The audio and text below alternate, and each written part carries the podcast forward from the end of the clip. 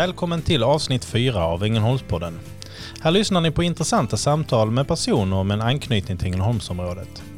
I dagens avsnitt träffar Manuela Lignell, föreläsare och mental tränare och Jakob Larsson, VD på Vågen, veckans gäst, Frida Nilsson.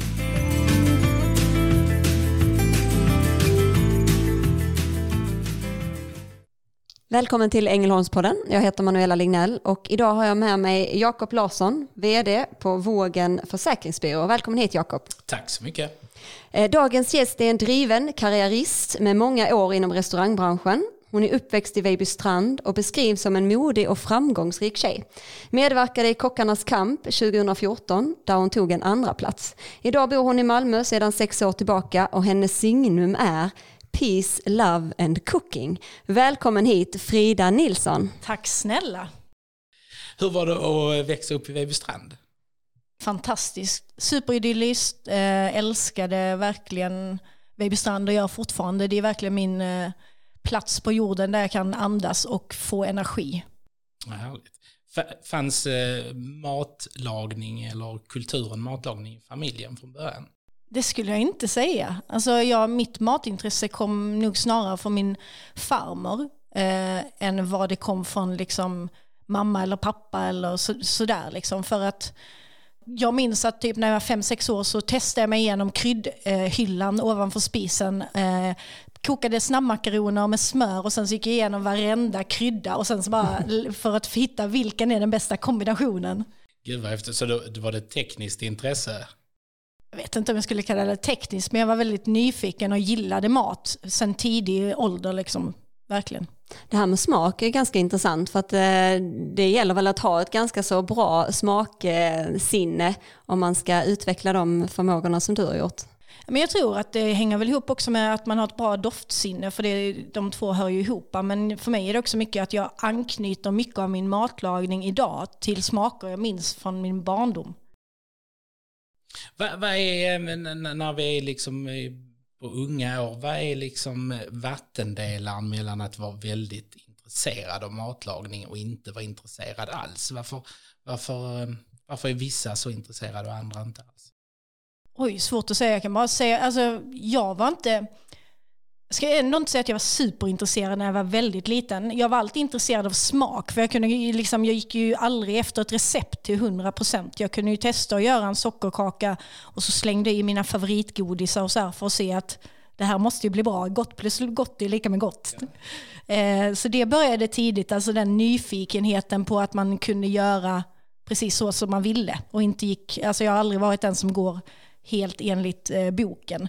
Eh, men sen blev jag mer intresserad av liksom matlagning och att jag visste att jag skulle bli kock eller att det var det jag ville när jag var 13 och gjorde, eh, jobbade mitt första år eh, på en krog på sommaren. Hur var det då? Var det mycket, eh, jag tänker för det är också en sån vattendelare jag tycker man säger, alltså med recept eller inte recept. Vem var du? Alltså jag är nog, alltså så här, i det största är jag inte en receptmänniska. Enda gången jag använder recept är när jag gör desserter eller bakar. För att det, då ska man vara exakt. Och det har jag inget problem med att vara, men jag, jag eh, utgår alltid från vad jag tror eh, blir bra och sen så jobbar jag på det. Och samma sak att jag kan ta inspiration från ett dessertrecept men sen byter jag ofta ut, ut olika smakkombinationer. För att jag tycker det, ja men en hallonmousse, hur kul är det? Då kan jag tillsätta det här och det här och det här, men bara att jag har rätt volym motsatt så kommer det bli bra ändå. Frida, jag eh, känner inte dig sen innan utan jag träffar dig idag mm. och eh, har ju fått förmånen att sitta och lyssna lite när vi har pratat innan den här eh, inspelningen. Och som sagt, du är uppväxt i Vejbystrand och du gick på Magnarps skola och sen så om jag förstod det rätt så började du på restaurang Eh, gymnasie också. Och du nämnde nu att du har varit på en eh, krog innan dess. Vad, var det liksom, vad var det som avgjorde det här valet att, att gå på restaurangskolan? För mig var det väldigt enkelt. När jag började vid tidig ålder att jobba på den här sommarkrogen eh, och fick möjligheten att testa det. Jag blev egentligen Eh, inkastade att jag skulle jobba i glasskiosken. Men sen så var det mer spännande att se vad som hände i köket. Så till slut så ställde jag mer upp den här klockan som ringer när, och om du vill ha hjälp. Så det var aldrig någon som var liksom på plats i glasskiosken för jag stod i köket istället. Och då, eh, då blev jag utbytt och fick komma in i köket som eh, liksom smörgåsnisse som det kallas när man är så ung. Och då, för mig var det liksom att komma in i en helt ny värld och allting var bara så härligt. Alltså det var som att komma hem. Så för mig var det bara känslan av att få vara i ett kök med det, att komma in i en vuxenvärld med ett tugg och alltså att man var, man var inte ett barn längre utan man fick liksom vara delaktig och göra precis samma uppgifter som alla de andra gjorde. Eh, och då, jag blev kär direkt i det. Eh, så att för mig var det verkligen så här när jag skulle söka till gymnasiet så var det verkligen så här, när jag satt med syokonsulenten så var det bara så här, nej men jag ville bara gå restaurangskolan. Och hon bara, du har för höga betyg, du ska söka natur. Och jag bara, nej det kommer inte ske. Men så, så det blev bara restaurangskolan för hela slanten. Och restaurangskolan i Ängelholm har väl ett gott renommé? Ja, det har det. Alltså, det är fördelen, eh, tyckte jag, eh, med restaurangskolan i Ängelholm, att det var inte så många parallellklasser. Vi var bara en klass per kurs och eh, restauranglärarna hade, eh, när jag gick där, hade bra kontakter ut på arbetsmarknaden så man kunde få praktikplatser på de bästa krogarna i Sverige. Och eh, och som du säger hade ett bra rykte att, att eleverna som kom från Ängelholms restaurangskola höll en hög nivå. Så därför kom man in på de bästa ställena man ville det. Var man duktig att också både skapa och, och kanske bibehålla det vad ska vi säga, restaurang eller matintresse som ni hade med er in inför utbildningen? Jag tror att det var, klassen var nog delad där, att vissa kom med ett stort intresse. Vissa eh, som tyvärr många tror är att eh, många som väljer restaurangskolan är för att ja, men det är enkelt. Då får jag bara, det är en eh, låga intagningsbetyg och det är en walk in the park bara för att göra någonting. Ehm, så att många kommer, eller inte många, men en del kommer den eh, eh, tanken tror jag. Men de eleverna sållades ut efterhand och sen blev vi en väldigt bra klass skulle jag säga. Hade du redan då en, en, en bild av vad du ville göra med, med det här matintresset? Och... Ja, men det, det, skulle jag nog säga att jag, jag visste redan typ i tvåan vill, var vill jag göra min praktik i tredje, tredje året och var, var vill jag hamna någonstans. Eh, sen så utvecklas ju, ju mer man lär sig desto mer eh, drömmar får man. Var de också duktiga på att måla upp vilka möjligheter inom industrin som, eh, som fanns? Ja och nej skulle jag säga. Alltså, för så vitt jag vet, nu har jag lärt mig att så är vår bransch en av de få som man kan gå otroligt långt och bli otroligt framgångsrik utan egentligen ha någon högre utbildning. Jag känner en, kollega, en gammal kollega till mig som började som diskare på Norrvikens trädgårdar eh, och eh, diskplock till att ha jobbat som sommelier till att nu sitter i ledningen för Clarion Hotel. Jättehäftigt. Ja. Och det är det är unikt för restaurangbranschen. Jag, jag kan inte säga, men jag tror att de, eh, de flesta av mina vänner utanför branschen har ju fem års studie, studier. Eh, jag har pluggat lite ledarskap och så här på yrkesutbildning och sådär, men jag har inte läst vidare på något sätt. Men jag tror att jag har haft positioner där jag varit ansvarig för en budget på 150 miljoner. Jag tror inte man har det på så många ställen när man inte har någon högre utbildning. Vad, när du väl då tog studenten från eh, restaurangskolan, vad, vad blev ditt nästa steg där? Egentligen dagen efter jag tog studenten så vaknade man upp eh, i sängen i Vejbystrand och hade så en tomhet och, eh, av att bara, vad ska jag göra nu? Mm. Men egentligen så var det bara att packa väskan och sen så eh, flyttade jag till Göteborg och började jobba där på den restaurangen som jag hade haft min sista praktik på under vårterminen. Det var Trädgården? Precis. Ja. Berätta. Eh, det var ju för mig ett mål att få komma och köra praktik eh, hos Anders Jonas Dahlbom då som var två årets kockar eh, som drev den restaurangen och under en period sent 90-tal, tidigt 2000-tal så var det, det liksom lite av en, vad ska man säga, många talanger kom därifrån och många, jag tror det var kanske sju, åtta personer som hade jobbat med det, de två under en tioårsperiod som vann Årets Kock.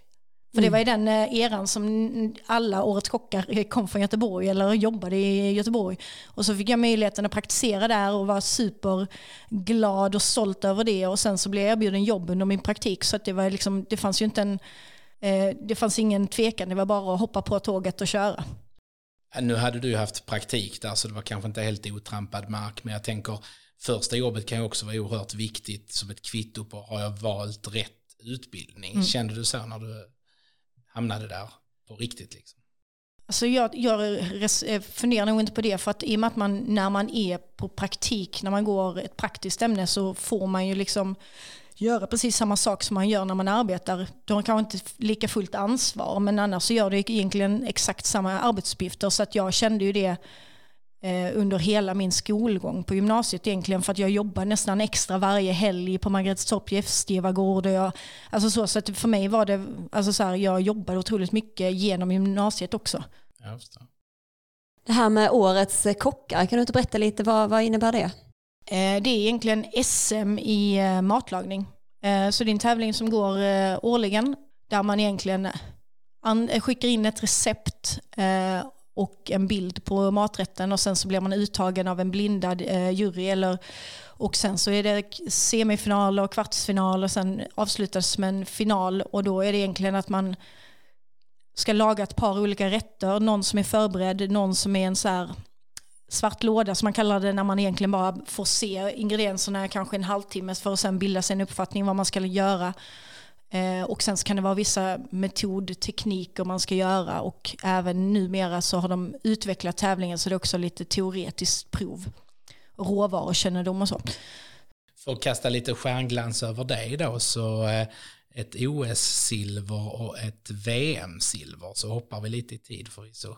Precis, jag var lite, när jag, lite senare, där vid runt 2010, så var jag lite intresserad av att testa hur är det att tävla. Men jag har aldrig tävlat speciellt mycket ehm, individuellt. Alltså jag har spelat fotboll och så här tidigare och liksom känt att lag är någonting jag gillar. Så att jag eh, eh ansökte för att bli medlem i Skåne Kulinar som är ett eh, regionalt eh, kocklandslag eh, som då eh, tävlar i VM och OS. Och så eh, egentligen så blev jag antagen och sen så var jag med och gjorde det som kallas finger food och tapas och även ett så här showfat. Och det gjorde jag under fyra år så då det är egentligen helt eh, eh frivilligt, man får inte betalt utan det är träning typ så här en gång i månaden och sen så under träning. Alltså det är så här superextremt. Första året så jobbar man bara egentligen med att komma fram till vilka rätter ska vi göra och bara detaljer och övningar på att allting ska bli bättre och bättre och bättre. Eh, och sen så tränar man på när man väl tävlar så man är vaken i 48 timmar så de sista eh, träningarna är också det, liksom hur, hur funkar teamet när man inte sover och liksom när man ändå ska prestera när man är vaken liksom under en längre period för att allting ska göras så sent inpå för att vara så fräscht som möjligt. Jag tänker på det här med att tävla i matlagning. Vi har ju de senaste åren fått ta del av väldigt mycket tävlingar på tv av olika slag. Men jag tänker, hur, liksom, hur verklighetsanpassat är det egentligen? Du säger här man, man är trött och har inte sovit och ska man få ihop någonting snabbt. Är det, är det någonting ni möter i er vardag också när man jobbar liksom, i, i, i köket och ska leverera liksom, top notch i mat? Alltså, ja nej. Alltså maten som man tävlar med, när man är kock, med kock, både kock, svenska kocklandslaget och de regionala kocklagen tycker inte jag ligger så jättenära det man gör i ett restaurangkök. Eh, för att den maten som görs där, en, eller större delen av det, ska inte ätas utan den görs bara för syn. Alltså man ska göra det så snyggt som möjligt, så mycket tekniker som möjligt och bara mm. visa vad man kan. Så på det sättet nej, men jag när, under vissa perioder så jobbar man otroligt mycket och det blir långa dagar och då, då är det ju så att man kanske inte sover så mycket. Så på det sättet är det ganska likt just tävlingsmomentet där med att man är vaken många timmar. Finns det ett förbund som håller ihop detta? Jag tänker eftersom det är ett OS och ett VM, finns det ett svenskt förbund eller liksom någon, någon, någon svensk huvudman? Alltså var, alltså men det finns ju någonting som heter Svenska kockars förening som är liksom en förening som stöttar i det här men varje regionala lag och även kocklandslaget har ett egen liksom, vad säger man, grupp som samlar in sponsorer och liksom styr upp allting. Men så finns ju vissa stödfunktioner från den här kockarnas förening. Då. Och tävlingarna är utomlands precis som i eh, sportsammanhang. Ja, eh, vi, eller förlåt, OS är alltid Erfurt, Tyskland. Och eh, OS var i Luxemburg när jag var där. Ja. Om vi hoppar tillbaka lite grann då. Mm. Vi lämnade ju Göteborg och trädgården. Eh, sen hamnade du utomlands va? Ja, jag var i Spanien, i, i eh, närheten av Marbella, Puerto Banús, i ett och ett halvt år ungefär. Hur hamnade du där? Egentligen via min eh, kusin eh, Lisa som eh, hade, och egentligen vi tog studenten samtidigt. Jag flyttade till eh, Göteborg och hon flyttade till Spanien och körde det här klassiska au pair-grejen. Och sen så började hon jobba på någon mäklarbyrå där nere och blev kär i en svensk kock. och så eh, när hon var hemma på sommaren i Ängelholm så, vet det, så började vi snacka och jag var lite rastlös och kände att jag behövde göra något nytt och se något annat. Och hon bara, men jag kan kolla med min eh, kille och sen så på den vägen är det. Mm. Och hur länge stannade du där? Ungefär ett och ett halvt år. Ett och ett halvt, ja. sånt. jag tänker, nu har du varit i Sverige och fått lite grunderfarenhet inom den här branschen och sen åker du till Spanien. Kan du se några större skillnader i Alltså, det första var väl att helt plötsligt så bytte vi språk i köket. Liksom, från att mm. blanda spanska och engelska. Och jag har liksom, då hade inte jag jobbat på engelska, alltså, med det engelska språket liksom, i min vardag tidigare. Eh, och spanska hade jag aldrig studerat men man lär sig ganska och snappar upp ganska snabbt. Plus att massor med andra kulturer i köket. Alltså eh, många olika nationaliteter. Eh, sen annars så är det ju liksom skulle jag säga att det funkar på mer eller mindre samma sätt alltså i köket. Eh, men man får ju ta del av en helt annan matlagningskultur också. Andra typer av råvaror som man inte är van eh, vid att se i Sverige lika ofta. Eh, så det inspirerade jättemycket. Men sen är det också så här, man lär sig också hur samhället fungerar. Alltså så här, när man ska gå för ett arbetsnummer, stå liksom och köa och sen är det inte som i Sverige att man får ett brev hem att nu är det klart utan då skulle man dit igen tre veckor senare. Nej det var inte klart, nu är det dags att komma dit en annan dag, göra samma sak om man visste. Alltså allting var väldigt det kändes verkligen inte up to date med den moderna tiden när man var där och skulle få allting. Man fick en check så man fick gå till banken och hämta ut sin lön. Alltså det var mycket konstigt. ja, väldigt, hur gammal var du sa du? ja men det var, det var typ så 2014 kanske. Ja. ja. Vad, vad, vad, tog du med dig därifrån, från det spanska köket eller från den här tiden där du, där du jobbar i Spanien? Ja, men jag skulle säga att jag älskar råvarorna och jag älskar liksom vissa smakkombinationer som eh, har tagit jättemycket inspiration kring det skulle jag säga. Och sen självklart vänner för livet vissa. Vem är du själv då i matväg? Liksom vad är favoriterna och vad är, om vi blir lite personliga? Jag skulle säga att alltså jag älskar att jobba med grönsaker och jag utgår alltid från grönsaker. Um, och skulle jag välja någon form av grönsak som jag brinner mest för så skulle jag säga kål i alla former. Uh, och sen så om jag skulle säga, jag gillar tydliga smaker. Eh, och med det sagt så menar jag om jag, om jag vill använda vitlök ska vitlöken vara tydlig. Sen ska inte den ta över för råvaran ska få smaka sitt eget. Så jag går, återkommer gärna till smaker man hittar kring Medelhavet för att det är ju där man har gjort sina semestrar under somrarna. Liksom. En av mina favoritkryddor är harissa och det är från egentligen min första utlandssemester när jag var fem eller sex i Tunisien och fick, eh, fick det på alla borden. Eh, när man satt på alla restauranger så var det mitt på bordet tillsammans med gröna oliver, olivolja och harissa så fick man det till brödet. Och det har fastnat för mig. Liksom. Det är någonting jag verkligen älskar. Nu blir jag hungrig. Hur, eh, jag tänkte på, eh, om vi då hoppar lite grann, efter Spanien så hamnade du, då var du tillbaka till hembygden. ja, eller mer eller mindre. Jag var i Helsingborg en sväng mm. efter, så det är hyfsat nära i alla mm. fall. Eh, och jobbade med Niklas Ekstedt när han eh, hade krog i Helsingborg. Och sen även i Torekov när han körde Kattegatt där en sommar. Och så skulle du vidare till Stockholm med honom egentligen? Ja men precis, för då sen så sålde han sina krogar här i Skåne och så skulle han eh, starta upp egentligen i Stockholm med första restaurangen. Och då ville han att jag skulle följa med. Och jag var taggad på det. Eh, men så drog hela byggprocessen och allting ut på tiden. Och under tiden jag väntade så började jag jobba på Torekov Hotel och, och eh, trivdes ganska bra där. Så sen när väl liksom Niklas ringde och sa nu börjar vi bli klara, då kände jag att nej, men jag pausar det Niklas för jag trivs ganska bra här.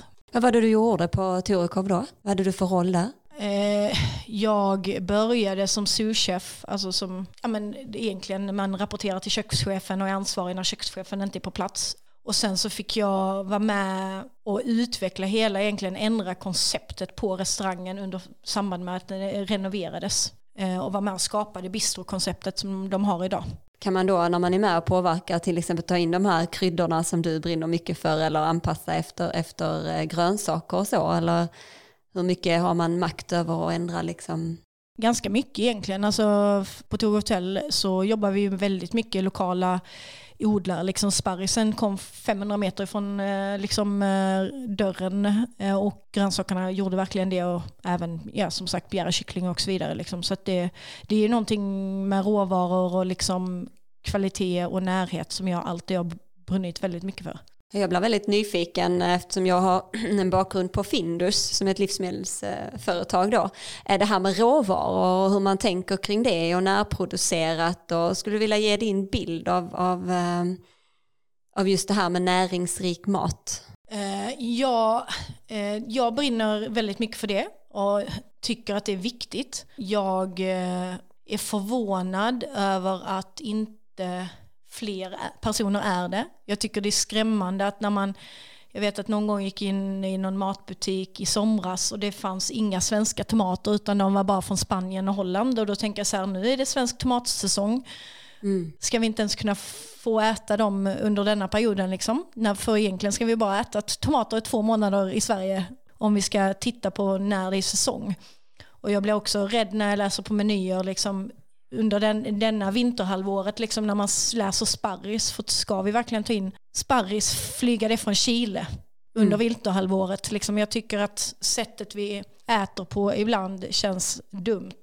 Eh, och jag tror inte heller på att tomater som fraktas halvt omogna från Spanien och som mognar nästan liksom på ett lager i, alltså ett, i Helsingborg, att det är de, det är då vi får som mest näringsvärde i det. Vad skulle du ha eh, för, eh, om du tänker de som sitter och lyssnar liksom och kanske funderar på hur man bör äta för att få i sig rätt näringsämnen och så. Vad skulle du liksom ge dem för rekommendationer? Jag skulle nog säga att man eh, ska försöka läsa på lite mer och även kolla vad står det att grejerna kommer ifrån i butiken. Är det fler som frågar efter närodlat och fler som frågar efter svenskt Eh, så kommer behovet öka och det sätter tryck på eh, matbutikerna att göra förändringen. Sen så tror jag att många stirrar sig blind på vissa prislappar. Eh, helst om man tittar om man skulle gå in på kött och fisk och sådär. Att ibland så skulle man ju kunna, vi äter alldeles för mycket kött idag. Jag är inte vegetarian själv men jag har, drar aktivt ner på mitt, eh, mitt köttätande. För jag tänker så här att de här portionerna där normen är att man ska ha 200 gram kött. Alltså så här om man tänker biff och bea på många restauranger. Mm. 200 gram är ju inte normen. 200 gram kött ska du kanske äta på en hel dag. Och så äter du på till en måltid och då ska du äta lunch också och sen kanske du äter skinka på smörgåsen på morgonen. Så då höj kvaliteten på köttet och gå, eh, så du köper närodlat kött som är ekologiskt och har mått bra under sin livstid så smakar det bättre. Det är mer näring och sen så äter du 120 gram istället så kommer du på exakt samma portionspris. Liksom. Jag tror det handlar bara om att man vänder om sitt tankesätt och så ökar du upp grönsaksvolymen istället. För att det, grönsakerna är ju faktiskt billigare än vad det animaliska proteinet är. Hur ser den ut i, i restaurang? Nu pratar vi lite ur ett hemperspektiv. Ja. I, I restaurangbranschen, är det, har man råd att tänka så där? För där blir det lite mer business om jag väljer de billiga eller dyra tomaterna och så vidare. Hur, hur ser det ut bakom kulisserna? Alltså jag resonerar ju så att jag, men jag, på restaurangen jag jobbar, på MGs Malmö, så, så jobbar vi med mellanrätter. Så att vilket innebär att skulle, och vi utgår ifrån att grönsaken är huvudfokuset på varje tallrik. Och då, då sett, lägger jag max 70 gram protein. Om jag har animaliskt protein så lägger jag max 70 gram, alltså torskrygg eller om det är flankstek eller vad det än må vara. Och sen så är resterande del grönsaker, så det är bara ett annat sätt att fokusera egentligen. Eh, sen så har jag valt att jag, jag har en stadsodling på Rosengård som odlar större delen av våra grönsaker och de är absolut inte billiga för de är organiska, de är närodlade men det är, de, de skördas typ 2000 meter från restaurangen i centrala Malmö och jag kan få dem skördade mer eller mindre nästan varje dag. Jättehäftigt. Är det något som eh, vem som helst kommer åt eller är det bara restauranger som kan handla där? Eh, de eh, under nu under coronaåret 2020 så när jag inte kunde köpa samma volym som jag hade planerat köpa så skapade vi matkassar som jag skrev recept till som man kunde köpa som privatperson. Men Anna, jag tror de kommer, vi pratar om att vi eventuellt eh, hittar en monter i någon av eh, de bättre matbutikerna i Malmö så man kan köpa grönsaker därifrån. Annars så är det egentligen vi isolerat som köper grönsaker av dem för att jag är delaktig också så här bestämma vad som ska odlas och vilka volymer och när. Jag vill ha olika saker. Ja. Det är också något eh, som har kommit väldigt mycket tycker jag, det här med matkasse. Det finns ju hur många olika varianter som helst och man kan välja barnvänlig och man kan välja lite mer eh, hälsosam kasse mm. och så vidare. Men eh, vad härligt att du har varit med och, skrivit recept till, till matkasse. Är det någonting du kommer att fortsätta att göra? Vi har väl, alltså jag, jag skulle självklart kunna tänka mig att göra det. Eh, sen så kommer vi inte göra det med den eh, stadsodlingen för att de tyckte det var en ganska stor hassle att hålla på med matkassar. Att förpacka det och så. Jag säger. Ja. Är det, om vi, om vi går tillbaka och fiskar lite i liksom karriäristen Frida. Eh, eh, du berättade att när du var på Torekov hotell, det var väl egentligen där vi, där vi stannade, då eh, var du med och utvecklade konceptet. Var det den första krogen som du var med och utvecklade eller vilken var det?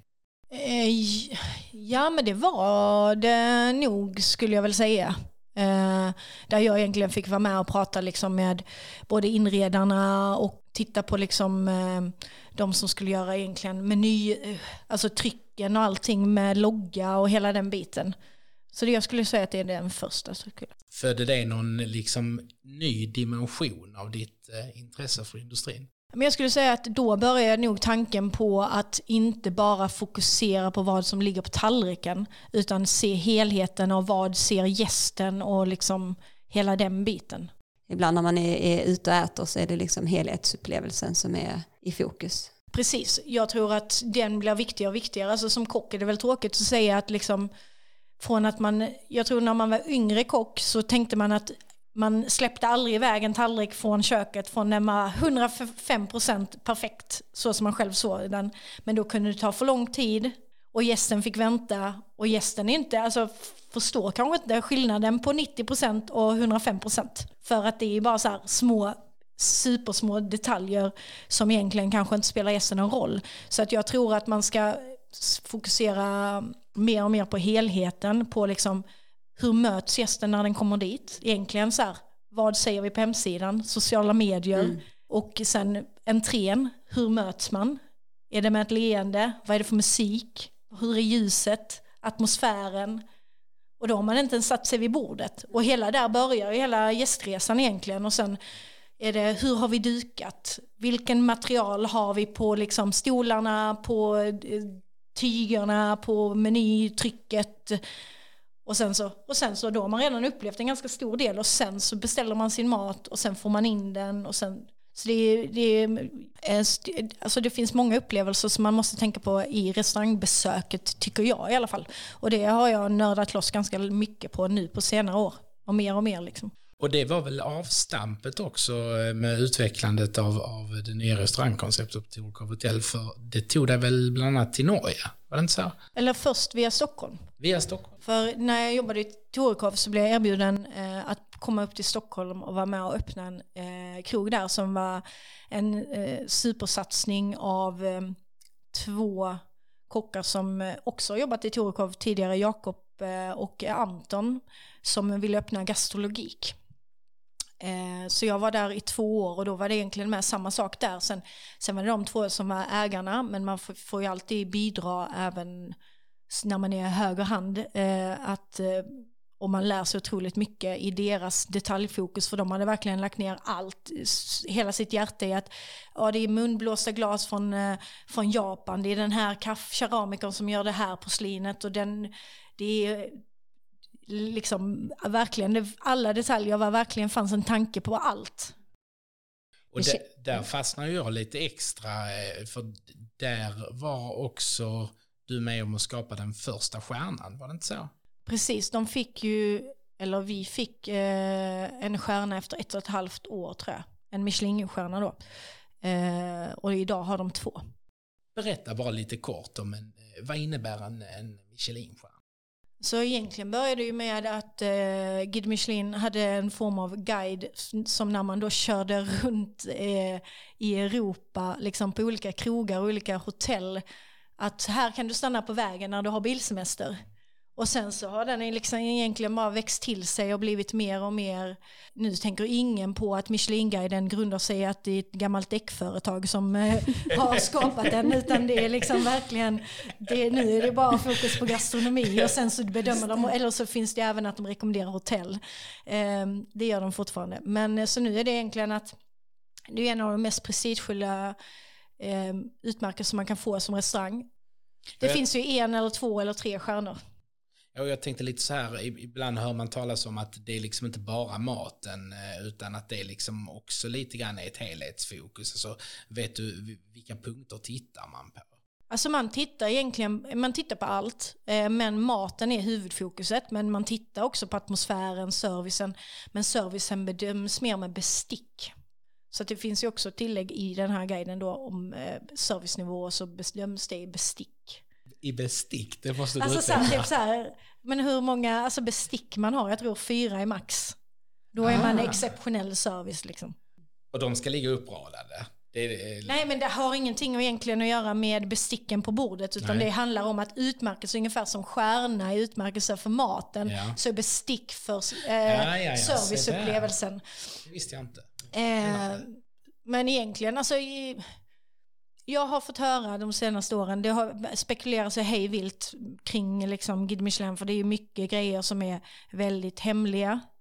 Eh, man vet ju aldrig innan eh, att den här gästen är från Guide Michelin utan det är ju liksom, de bokar ofta i falska namn. Eh, och sen så liksom avslöjar de efteråt typ och så vill gärna gå in och kolla köket och kanske prata med kökschefen. Och det är så man egentligen får reda på det och sen så krävs det ju något, eh, ofta fler än ett besök. Hade ni en föraning? Om man tittar på processen i Stockholm när ni fick en stjärna? Alltså det, det, djungeltrumman går ju för, eh, för efter ett tag om man har jobbat på de krogarna så har man lite hum om hur det är och man kan se tendenser och liksom spekulera kring mailadresser och sådär. Eh, så då visste, vet man så här, okej, okay, eh, Gud Michelin är i Stockholm denna veckan. Men sen vet man ju inte exakt kanske gästen. Men vi hade, jag vet eh, att jag jobbade första gången de var där, då, jobbade jag, då hade vi eh, lunch. Det hade vi bara de första månaderna. Och då kom det en gäst som ville äta avsmakningsmeny på lunchen. En brittisk man eh, med lite för stor kavaj och liksom så här eh, väldigt eh, korrekt och ja. Eh, ville äta avsmakningsmeny på lunchen och det hade vi egentligen inte. Så då fick vi göra en specialmeny. han sig. och då, då fick vi liksom göra det till honom. Är det så att man måste anpassa sig så hade ni sagt där och då att nej tyvärr vi har inte en avsmakningsmeny nu vid lunchtid. Då, då hade man bränt sina skepp. Nej, för då hade de, hade de varit tillräckligt intresserade och fått tillräckligt mycket tips om den restaurangen så hade de kommit dit igen. Ah, ja. Men vi, alltså, vi hade möjligheten att göra det så då gjorde vi det. Jag tänker Frida när jag sitter och lyssnar på dig att det känns som du tycker om att starta upp saker och vara med liksom och få igång eh, projekt och vara delaktig i att utveckla och så vidare. Och jag funderade på hur du sen tog dig därifrån till eh, kockarnas kamp 2014. Vad var det som gjorde att du, att du valde att vara med där? Ja, alltså jag, jag kommer ihåg att då var, bodde jag och jobbade i Trondheim i Norge. Eh, och då, jag bara satt en dag på, jag tror jag skulle göra beställningar eller någonting på grönsaker och så bara ringer det i telefonen. Och då är det en eh, produktionsledare för Meter Film som ringer och bara hej mitt namn är bla bla bla. Eh, vi, eh, vi spelar in Kockarnas kamp. Eh, har du hört talas om det programmet? Jag bara ja jo jag vet vad det är. Ja det är så att ditt namn har dykt upp här och vi skulle vara intresserade av att höra lite om du är ledig i maj och så några datum. För att vi skulle gärna vilja att du är med i programmet. Så du blev headhuntad egentligen Men det, till och det blev man. Ah. Eh, det, så att det är ingen, man söker inte till Kockarnas kamp utan man, alltså man får rekommend, eh, folk rekommenderar en att vara med.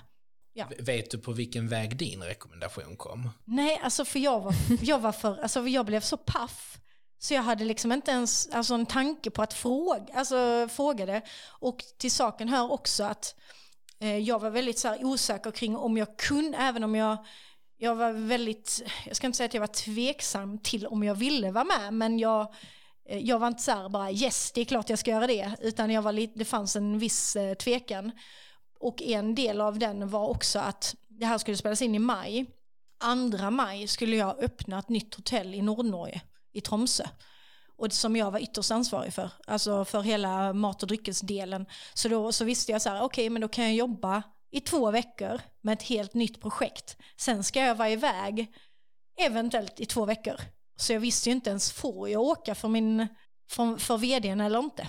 Jag, jag följ, följde såklart programmet och, och då får man ju bilden av liksom framstående kockar som kämpar om en titel. Hur, hur ser man på det inifrån branschen? Är det status att vara med eller eh, baktalar man det lite som vissa baktalar Melodifestivalen eller eh, förstår du vad jag menar? Jag tror det finns två läger, för det finns ju eh, två läger när det gäller eh, matlagningstävling.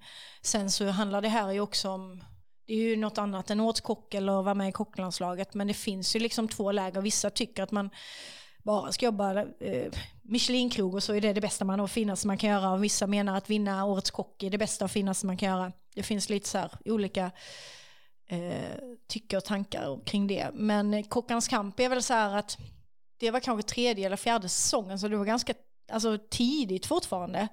Och då hade, var det väldigt mycket bra namn med.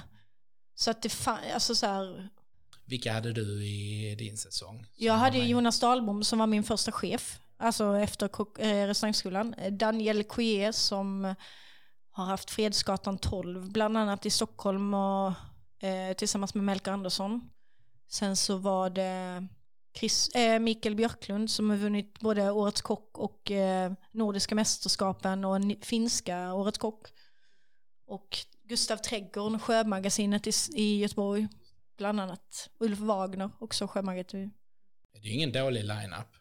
Vad, har, vad har det betytt för dig att vara med i, i Kockarnas kamp? Alltså det är, jag tycker det är jättesvårt att säga. Jag för min egen del så tyckte jag det var rent med alltså jag är inte superglad för uppmärksamhet. Eh, så för min del tyckte jag det var ganska skönt att jag levde i en skyddad verkstad i Norge under tiden det sändes. Så jag var, alltså jag tror att man har, kan få ut mer medialt av det och liksom spinna loss på det om man är hemma i Sverige liksom och kan liksom jag ska inte säga utnyttja det, men använda det lite bättre liksom. Men jag tror att det är självklart att det har öppnat vissa dörrar som eh, kanske inte hade öppnats lika snabbt annars. Eh, jag vet inte, det känns, så, det känns så länge sedan, det känns som det var ett annat liv. För, för, för media målade ju upp dig lite som the underdog. Och eh, du gjorde ju verkligen avtryck där och kom tvåa. Ja, precis. Ja. Hur eh, var det liksom, eh, hur var det möjligt? Alltså jag vet, alltså för mig var det ju så här att jag var ytterst tveksam till om jag gjorde rätt med att ställa upp. För att jag, alltså jag var så otroligt nervös när jag satt i bilen till gården och bara så här, vad fan har jag gjort? Förlåt svordomen, men eh, spontant. Eh, Men det var verkligen så här, vad har jag gjort? Och liksom jag kände typ ingen av de andra kockarna. Den enda jag då liksom hade egentligen råkat på var ju Jonas Dahlbom, min före detta chef. Och eh, kände så här att men det var en stor grej helt enkelt. Eh, så, när, så när jag kom dit så min enda fokus egentligen var, gör inte bort dig, åk inte ut först. Det var, det var, alltså det Ja. var, det var liksom mindsetet. Nej, just det. Eh, Jag är lite en sån person som motiveras alltså, av att inte misslyckas. Nej, inte Nej, av att lyckas, Nej. utan av att jag får inte fucka upp. Men hur var det liksom det här, alltså, det är ändå liksom ett tv-team och allting ska liksom regisseras och fixas och man är påpassad och jag kan tänka mig att man också funderar på hur klipper man ihop det här och hur kommer det uppfattas av andra? Var det, var det liksom, hade du sådana tankar under tiden eller?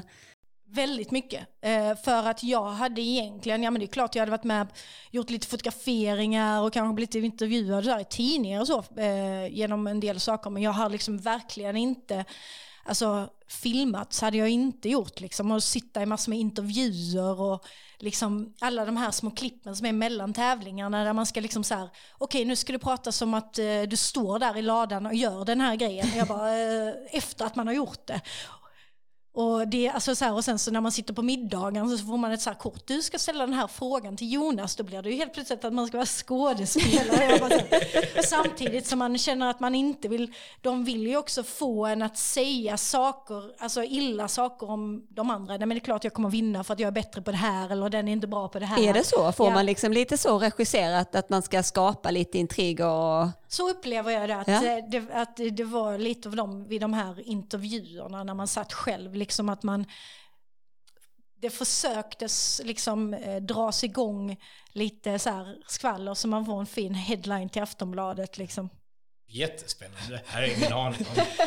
Nej men eh, så, och, och, det var jag ju väldigt så här att nej men jag vill inte vara någon sån, alltså så här, sen är inte jag som, som person heller men jag, jag tänkte nog mig för ganska mycket på hur jag uttryckte mig och Hur, hur länge, mm, alltså själva inspelningen av det, är det liksom en ganska kompakt period, även om det sen sänds veckovis under en lite längre period? Ja men det blev det, alltså så som det gick till när jag var med så spelade vi, ett avsnitt tar två dagar att spela in. Så egentligen första dagen går ut på att man har en tävling i ladan, sen är det middagen och sen är det lite så här fikor eller lite så här mingelgrejer emellan och lite intervjuer. Sen dag två så är det tävling i ladan och sen såsduell. Så det är så det är uppdelat, liksom Ja, själva ja. liksom filmningen. Ja, Eh, så två dagar blir helt enkelt 45 minuter. ja. Och det är liksom, man går upp och äter frukost klockan halv åtta och då filmas det sen dess. Så det är filmning från halv åtta på morgonen till klockan elva på kvällen. Så det är väldigt intensivt, att man, alltså man blir otroligt trött i huvudet. Eh, och alltid vara ajour. Eh, och sen så är det ju åtta avsnitt så det blir 16 dagar totalt. Men det innebär alltså att när jag satt eh, hemma i vår tv-soffa och du tar dig till final och jag blir så glad så jag ställer mig nu upp och hoppar sönder vår soffa, då visste du redan hur det gick egentligen. Ja, för det kanske var i november, Ja, just det. december och det spelades in i maj så man fick vara tyst där ett tag. Ja, jag förstår. Jag förstår. Jag tycker ändå det är en rätt så spännande upplevelse kan jag Mm. tänka mig även om du kände att det var en, en ny upplevelse för dig. Men vad, vad, om du får tänka tillbaka nu, vad, vad gav det dig eller vad tog du med dig från att, att vara med i Kockarnas kamp? Nej men alltså jag tror att det liksom skapade till viss del ett eh, självförtroende eh, och en trygghet i att jag klarar av att göra saker som jag inte känner mig bekväm av. För det var verkligen så här utanför min comfort zone att göra någon sån grej. Både tävlingen i sig, att jag tävlade individuellt och även att jag, alltså hela det, alltså att bli filmad och vara med i en produktion på det sättet. Så det har jag nog fått, alltså nu är det mycket så här, får jag, får jag frågor eller erbjudanden om att göra olika saker, bara så här, Frida ska vara med i Nyhetsmorgon.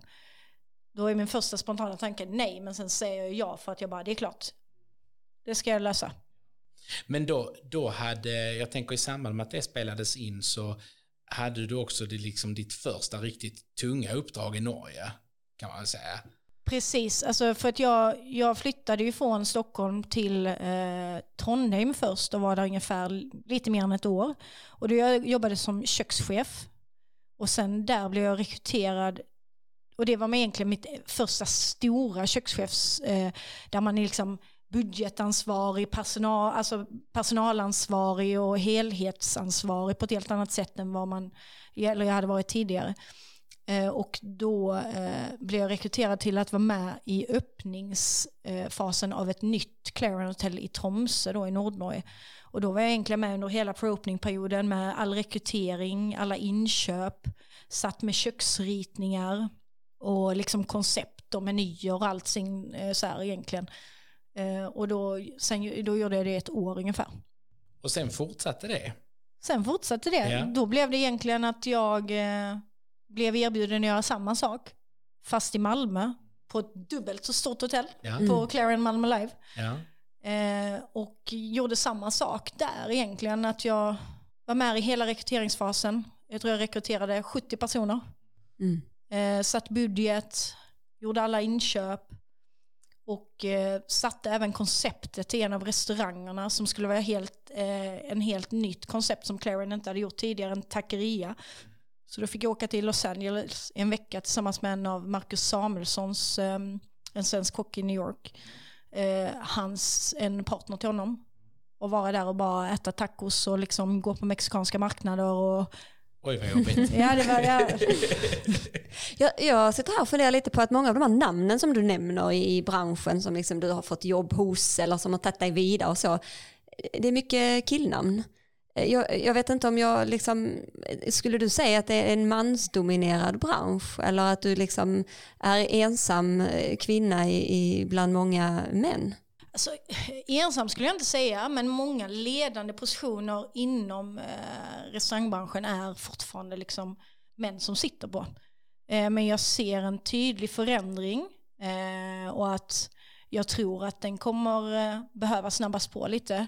Eh, men jag, jag ser att det händer, men eh, det är sant vad du säger, liksom många, det är mycket män liksom. Ja, vi hade ju eh, Maria Roth här på vårt första avsnitt och hon pratade just om att hon var ju liksom flicka och kvinna i hockeyn och hon fick lära sig att och, och leda sig själv för att kunna ta sig förbi alla de här hindren. Har du upplevt någon gång att det har varit liksom ett hinder eller en utmaning att, att, du, att du är kvinna i, i, i den branschen? Jag tror inte, alltså jag, har, eh, får ju liknande frågor otroligt många gånger. Och, eh, så att jag har reflekterat och tänkt jättemycket på det. Jag skulle inte säga att det har varit ett hinder, men det har nog fått göra att jag har fått pusha mig själv ännu mer. Och jag har alltid egentligen umgåtts med ganska mycket killar när jag var yngre, spelade fotboll och liksom lekte mest med killar. Så att jag har eh, med den erfarenheten så har jag nog ganska mycket skinn på näsan. Sen säger jag till om jag tycker att det är övertramp, men jag har liksom inte mått dåligt i den miljön och inte blivit speciellt illa behandlad själv. Men jag har hört otroligt mycket tråkiga historier och dåliga exempel, alltså via andra kvinnliga kollegor. Eh, verkligen. Känner du att eh, förändringens vindar blåser? Ja, det har ju alltså varit en del eh, uppmärksamhet kring det. Metoo slog inte riktigt igenom inom restaurangbranschen eh, 2017, men det hände en grej i höstas som har fått en del medial uppmärksamhet. Och jag tror och hoppas att egentligen att hela covid-situationen kommer att behöva sätta lite mer press eh, på restaurangbranschen att växa upp som arbetsgivare. Vad var det för incident som hände? Eh, egentligen en av Sveriges kanske mest kända kockar eh, uppe i Stockholm eh, blev anklagad och blev till och med tryckt i press med bild. Vilket inte händer speciellt, och namn då, men som inte händer speciellt ofta i Sverige. Eh, det, är liksom, det är inte avslutat eh, det kapitlet liksom, men eh, så att eh, det väckte en del eh, liv. Så jag var bland annat delaktig i en artikel om vilken förändring vi var ett gäng kvinnliga kockar som lerer och eh, kvinnliga personligheter i restaurangbranschen eh, som skrev under på vilka förändringar som egentligen behövs. Du, du som har en eh, i allra högsta grad ledande roll idag inom det företag där du verkar. Eh, har du med dig detta och liksom formar din verksamhet eller er verksamhet? Jag tycker det är otroligt viktigt och sen för min del när vi öppnade, skulle öppna MJs 2017 och jag skulle rekrytera till köket, då var det för mig en självklar, alltså jag hade som målbild att jag skulle ha 50-50 tjejer och killar i köket. Vilket vi nästan, det var fyra killar och tre tjejer. Så att vi var inte riktigt där, men vi Nej. var nära i alla fall. det, Eh, ehm, och det har hela tiden varit eh, liksom en målbild för mig, för dels skapar det en härligare kultur eh, och det sprider en helt, eller det är en annan känsla i teamet skulle jag säga. Eh, plus att, eh, men vi har varit otroligt, eller jag är otroligt värderingsstyrd så att när jag rekryterar så rekryterar inte jag på CV, jag rekryterar på, alltså tror jag den här personen kommer passa in i teamet, sitter och pratar med den om privata saker och mer så här, jag tänker alla kan lära sig att laga mat och liksom komma in i, vår, i vårt ramverk hur vi jobbar. Det viktigaste är att den kommer liksom kunna komplettera teamet och må bra, trivas och utvecklas i teamet. Eh, och då är det egentligen strunt samma om den har jobbat på Noma eller om den har jobbat på kvarterskrogen på Hörnan. Spännande. Har du sett många sådana exempel på eh, där liksom det resonemanget faktiskt har gett eh, personer en knuff i rätt riktning och komma vidare? Alltså där man kanske inte har varit så meriterad men, men eh, tack vare det då fått en chans att visa vad man går för. Uh, nej, det skulle, alltså jag skulle, så stort ska jag inte säga att det är för att vi har, jag har otroligt mycket duktiga liksom, uh, personer i teamet, men jag tror att det skapar liksom en, annan, en helt annan trygghet i teamet för att uh, efter ett tag så lär man sig också liksom vilka som passar ihop. Så att vi har haft en otroligt härlig arbetsmiljö hela tiden och det tycker jag, att inte känna att man älskar att gå till jobbet tycker jag att det är ett slöseri på tid. Du nämnde corona eller covid-19. Ehm, det är ju sällan ett år som 2020 som man hört talas om restaurangbranschen så mycket och så ofta i media. Ehm, vad ser du den dagen vi har lagt det bakom oss? Hur är branschen förändrad? Vad finns kvar? Vad är borta? Vad har tillkommit? Eh, jag tror eh, att en del små aktörer kommer att försvinna på grund av att de inte har haft möjlighet för att ta vissa stöd, alltså permitteringsstödet eller liksom omsättningsstöd och så vidare. Eh, jag tror, vilket gör att mycket personliga små krogar, hål i väggen kommer att försvinna. Och en del kedjor kommer att fortsätta och för mig är det, tycker jag det är tråkigt. För det blir ganska könslöst och det händer inte, det utvecklas ändå inte så jättemycket. Eh, sen så hoppas jag att det sker en förändring i form av hur, man, hur ens mindset är. För att eh, den lånebilden som har varit på många krogar som har gjort att ja, men, Nordic Choice Hotels liksom fick sparka 10 000 anställda efter två veckor med covid. Det tycker jag är helt skrämmande att man ska kunna få så mycket mm. anställda och ha den lånebilden och inte kräva någon form av större likviditet i bolaget för att kunna liksom, alltså jag, tycker, alltså så här, jag hoppas att det kommer att sätta mer press på att vi öppnar ögonen och att man, eh, att man vi blir ansvarsfulla företagare och eh, arbetsgivare helt enkelt. Om vi hoppar till MJs idag där du eh, finns. Mm. Vad, ehm, hur ser din yrkesroll ut nu? Jag vet att den ska förändras lite, men om vi börjar med där du står här och nu. Eh, jag eh, började på MJs, eller då hette det Hotellmästare Johan, eh, som eh, hade köpts upp av S-Group som bland annat har Ystad Saltsjöbad och Villa, Strand, eh, Villa Strandvägen men även Falkenberg strandbad och så vidare. Eh, och de ville öppna ett hotell i eh, Malmö. Och hade liksom länge kollat på Hotell Mäster Johan som ett gammalt anrikt hotell som Percy Nilsson som har Malmö Redhawks eh, har ägt i liksom flera år. Liksom. Eh, fick till slut köpa loss det. Eh, och då fick jag ett samtal från en gammal kollega till mig och undrade om jag, de bara fick pitcha en idé för mig. Och eh, då gjorde Jimmy det tillsammans med Anders Nilsson som är vd för Ystad Saltsjöbad. Och på den vägen är det egentligen att de eh, lämnade, gjorde en härlig beskrivning om en vision, vad de ville göra. Och sen bara så här, vad vill du ha för roll i detta? Och så öppnade sig allting. Vad blev det för roll? På plats från början så var vi en restaurangchef och en kökschef och kökschefen var jag.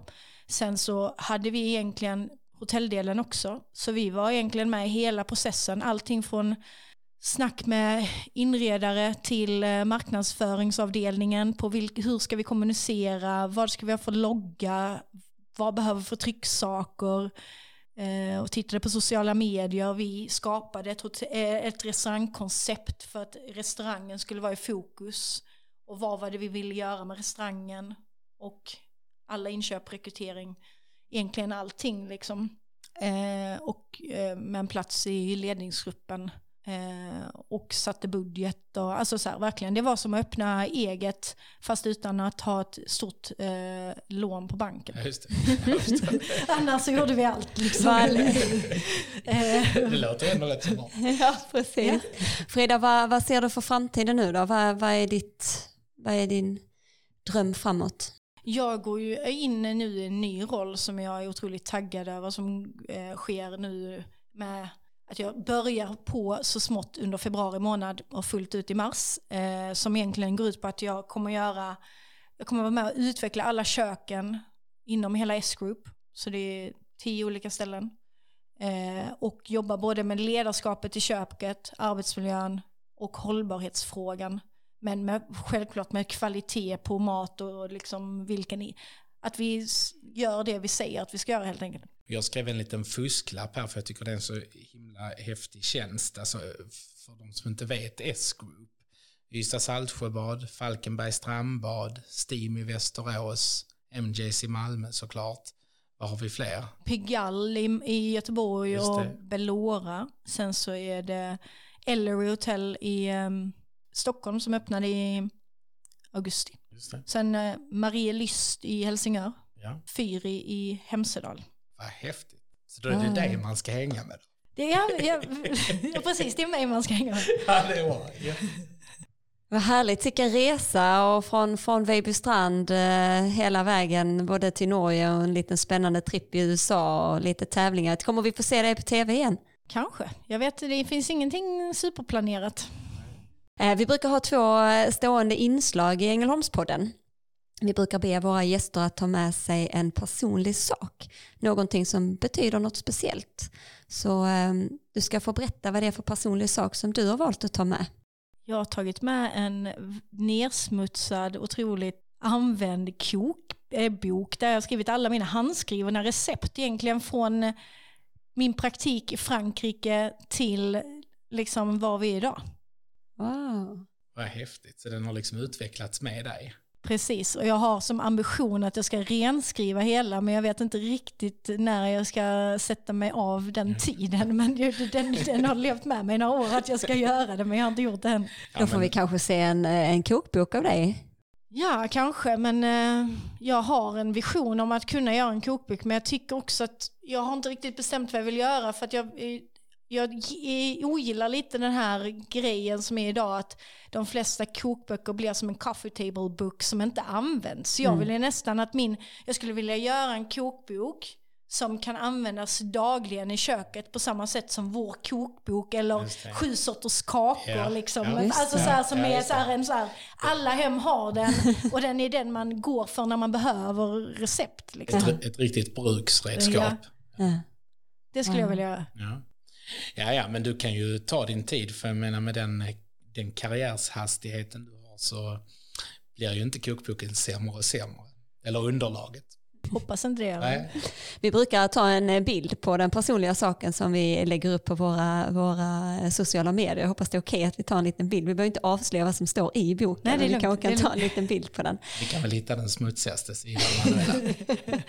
Eh, vi ska också be dig att eh, dra en liten fråga. Det är så här att varje gäst får lov att lämna två stycken frågor vidare. Och sen när man är gäst får man då dra en av de här frågorna. Så vi vet inte vad som står på de här lapparna. Så du ska få dra en lapp ifrån den här skålen. Och så ska du få öppna och läsa frågan. Vad är det bästa med Ängelholm? Oj, Vejbystrand. Nej, vad ska jag Nej, men jag skulle säga att eh, alltså jag tycker storleken på staden är ganska bra. Liksom. Eh, det är nära till havet, eh, nära till skog.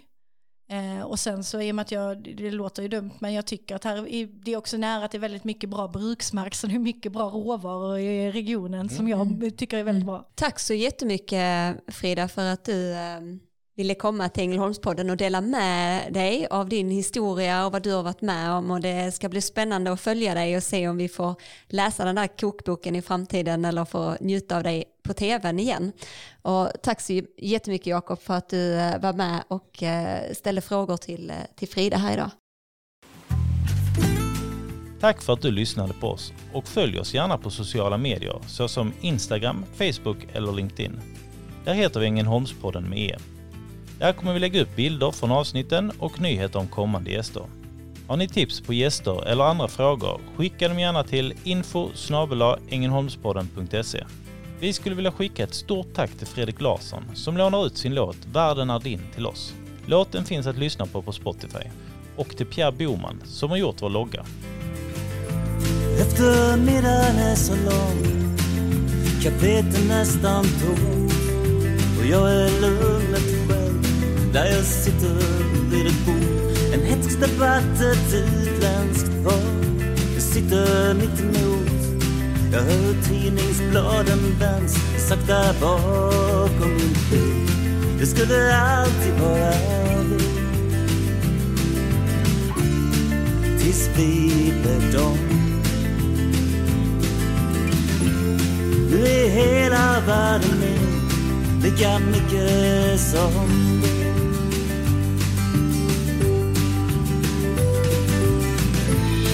Och en livstid passerar ett andetag långt. En klocka tickar ner, en man stänger sin dörr. Och jag läser några rader. Tyst för mig själv. En biografi av Felicia Fält. Hennes livsresa med. Att i skuggan av sin liv Där i den mörkaste botten låg den vackraste träd Nu är hela världen med. Ah, ah, ah, Lika mycket som